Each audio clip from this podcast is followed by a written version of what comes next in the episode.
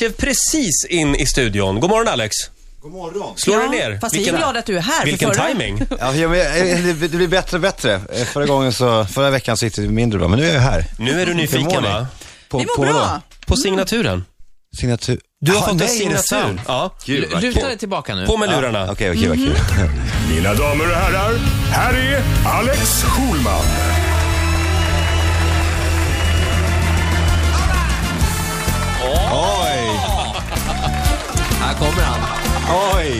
Det här kan man ha när jag kommer, så kommer in i studion, de där trumpetarna. Vill du göra en entré? Ska vi Vill, göra vill om? du göra om entrén eller? Vad händer då? När jag, när jag, här är en Alex Schulman och så kommer den där grejen. Vad händer nu menar du? Ja, men då måste vi ha Ja. någon, någon typ av så här, låt på något sätt, eller ska jag sjunga? Är du inte nöjd med den här? Är det det du säger? Inte så nöjd faktiskt. Nähä. Nej. Eh, Okej. Ja, vi jobbar Ja, vidare. ja.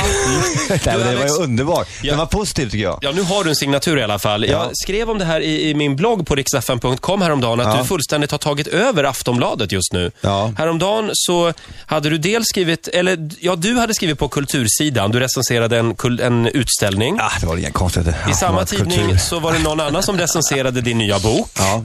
Och i samma tidning så hade du dessutom en egen krönika. På tre olika ställen i samma tidning. Ja. Hur känns det?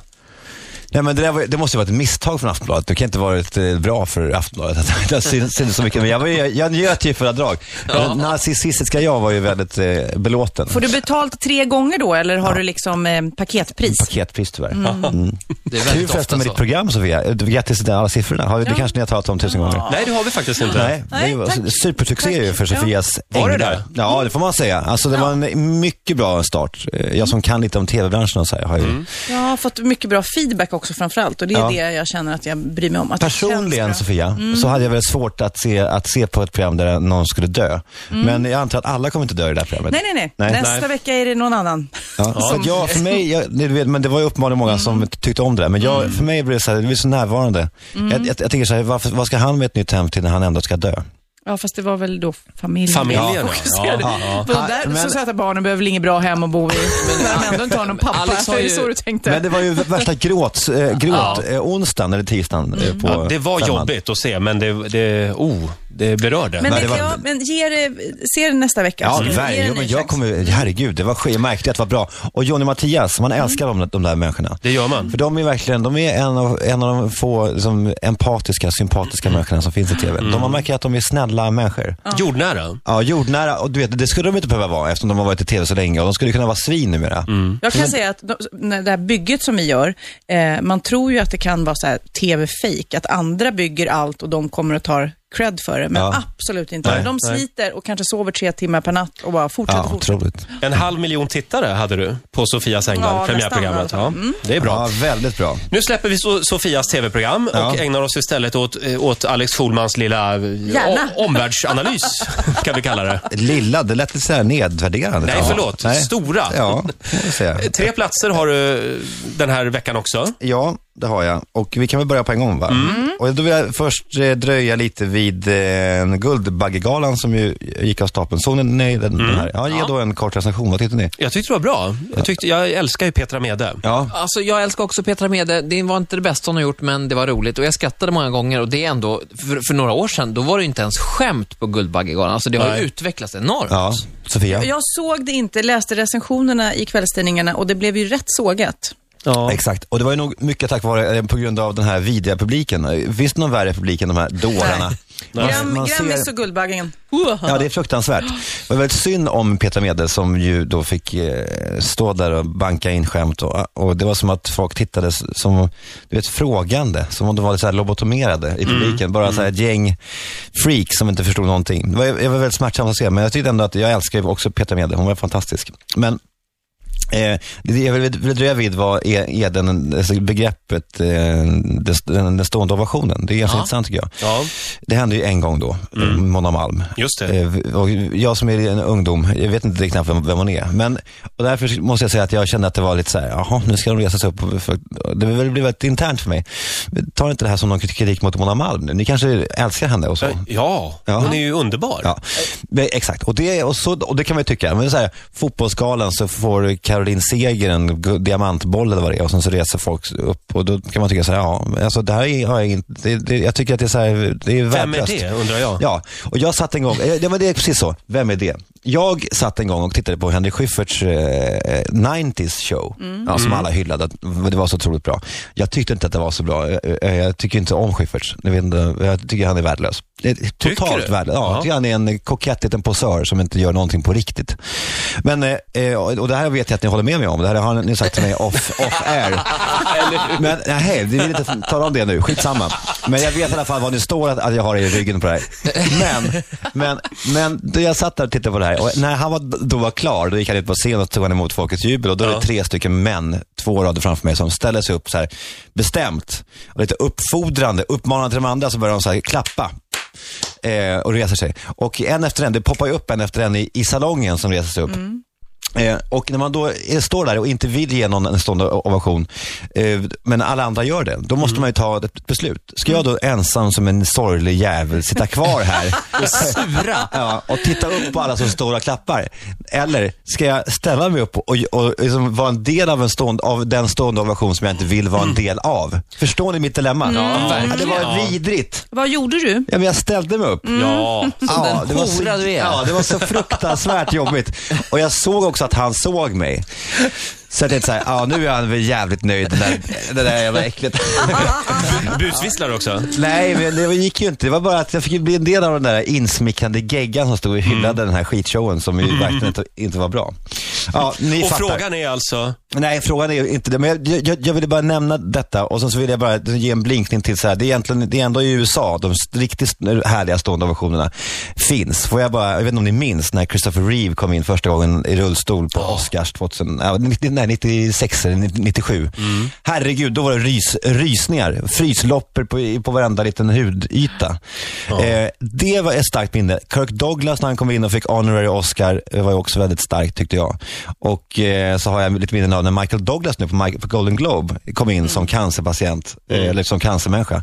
Eh, första, sitt första appearance. Och då sa han ju också det, efter den stående ovationen, så sa han så här, ja, det, är- det här är the easy way for a standing ovation. Alltså, man, man, det är bara att få en svår sjukdom eller att bli väldigt gammal så, så reser sig folk jag som har jobbat med många galor och även suttit i publiken på många galor, det är också lite, det går, har gått så mycket inflation i det, precis som du säger. Ja. Så att det blir ju ibland så här, vem, vem ska vi ta i denna gala som ska få den stående ovationen? Och så blir det en som kanske inte är det hela vägen av sig själv. Nej. Så då blir det ju studiomannens roll att försöka vifta upp Ja, det alla. är fruktansvärt. men det är inte alltid det behövs.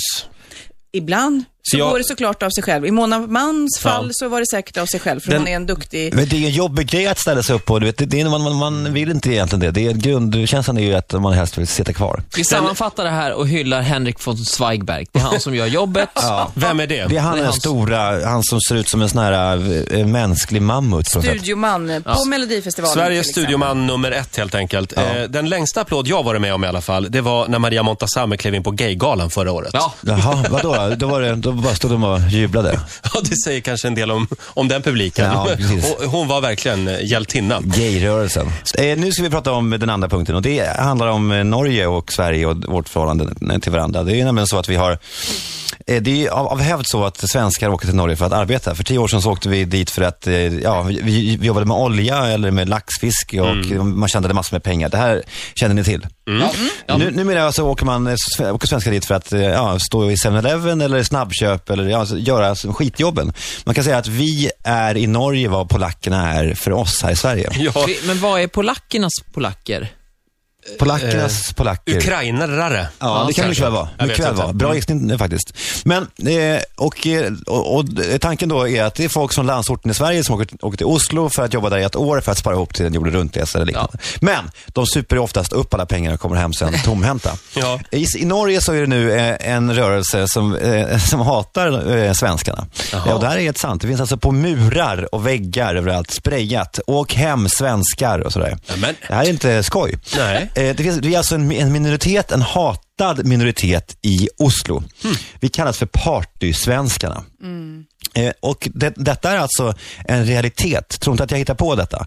Eh, det finns till och med en eh, sång nu som en eh, norsk grupp, som ungefär, man kan säga att de är som eh, Norges Snok, som heter Ja 9 och Onkel P. De har gjort en låt om partysvenskarna. Jaha. Eh, som har blivit väldigt populär. Vi ska lyssna på den. Den ha, handlar då om hur, hur vidriga de är. Eh, det finns Vi en- är. Vi är. Ja, fast, ja precis. Då, via. Ja, eh, exakt. Så här, eh, partysvenskar och sen så kommer en röst och, och, och, och då är det en partysvensk som kommer in och säger jag är inte sjuk, jag är partysvensk. Ja, vi får höra på det, så här låter det.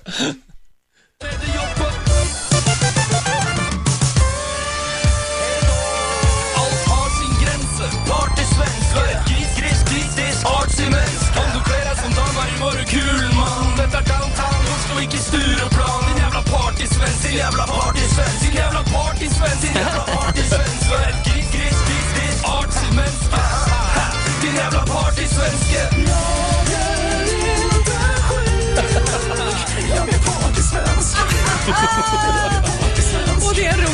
på YouTube Jätterolig också. video.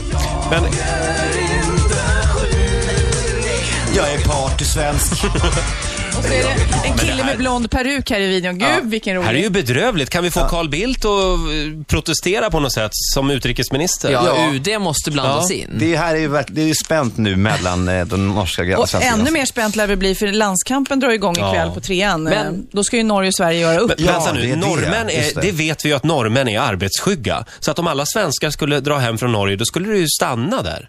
Ja men exakt, Vi- och det det är väl ungefär som, som i Sverige va? Alltså när, när vi eh, ger våra äckliga, de, våra värsta jobb till invandrarna. Eh, jag ska läsa upp en rad från den här låten.